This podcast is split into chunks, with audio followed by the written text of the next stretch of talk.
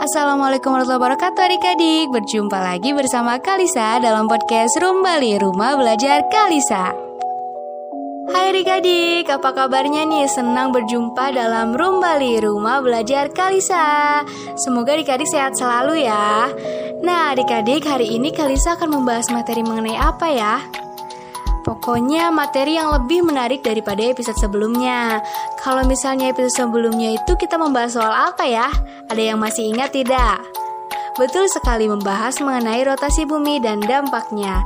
Nah, kali ini juga Kalisa akan melanjutkan materi yang sebelumnya nih. Jadi, kalau kemarin kita membahas mengenai rotasi bumi, sekarang kita akan membahas mengenai revolusi bumi. Nah, adik-adik ada yang tahu tidak sih revolusi bumi itu apa? Jadi, revolusi bumi adalah gerak bumi berputar mengelilingi matahari.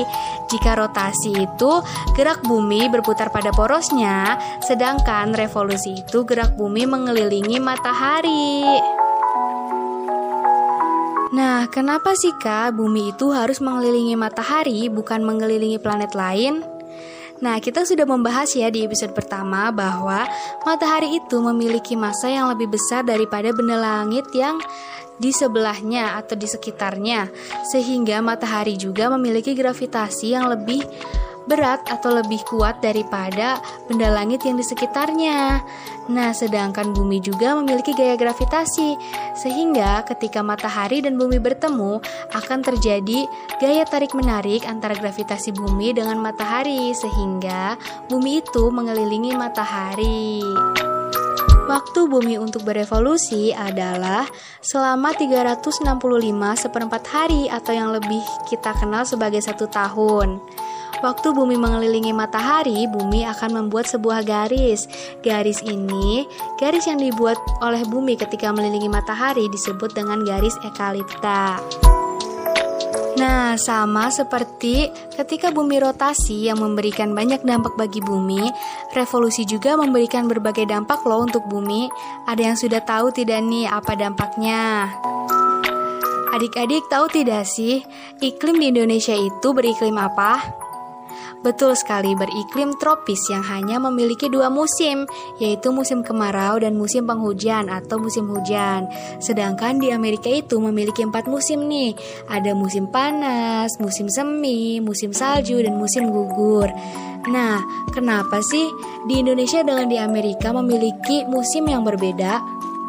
Itulah dampak dari revolusi. Jadi, dampak revolusi bagi bumi yang pertama itu adalah pergantian musim yang berbeda di berbagai belahan dunia. Nah, di Indonesia sendiri memiliki iklim tropis nih yang hanya memiliki dua musim, yaitu musim kemarau dan musim hujan.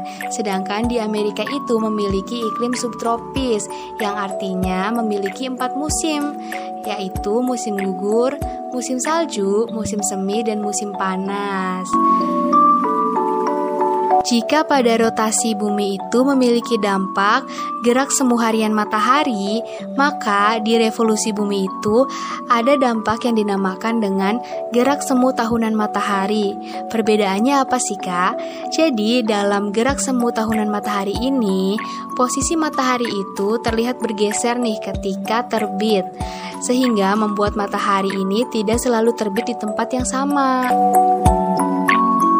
Nah, untuk dampak yang terakhir itu adanya perbedaan waktu lamanya pergantian siang dan malam. Jika di rotasi itu terjadinya peristiwa siang dan malamnya, maka di revolusi itu terjadinya lamanya pergantian waktu siang dan malam. Misalnya, di kutub utara itu lamanya malam itu adalah 24 jam, sedangkan di kutub selatan itu lamanya siang yaitu 24 jam. Jadi berbanding terbalik ya ya. Jika di kutub utara malam yang panjang, sedangkan di kutub selatan siang yang panjang yaitu selama 24 jam. Itulah materi kali ini mengenai revolusi bumi dan dampaknya bagi bumi. Nah, untuk episode selanjutnya, Kalisa akan memberikan materi yang berbeda nih daripada hari ini. Maka dari itu, adik-adik tungguin ya episode selanjutnya. Jangan lupa ngedengerin episode selanjutnya. Sekian dari Rumbali kali ini. Wassalamualaikum warahmatullahi wabarakatuh.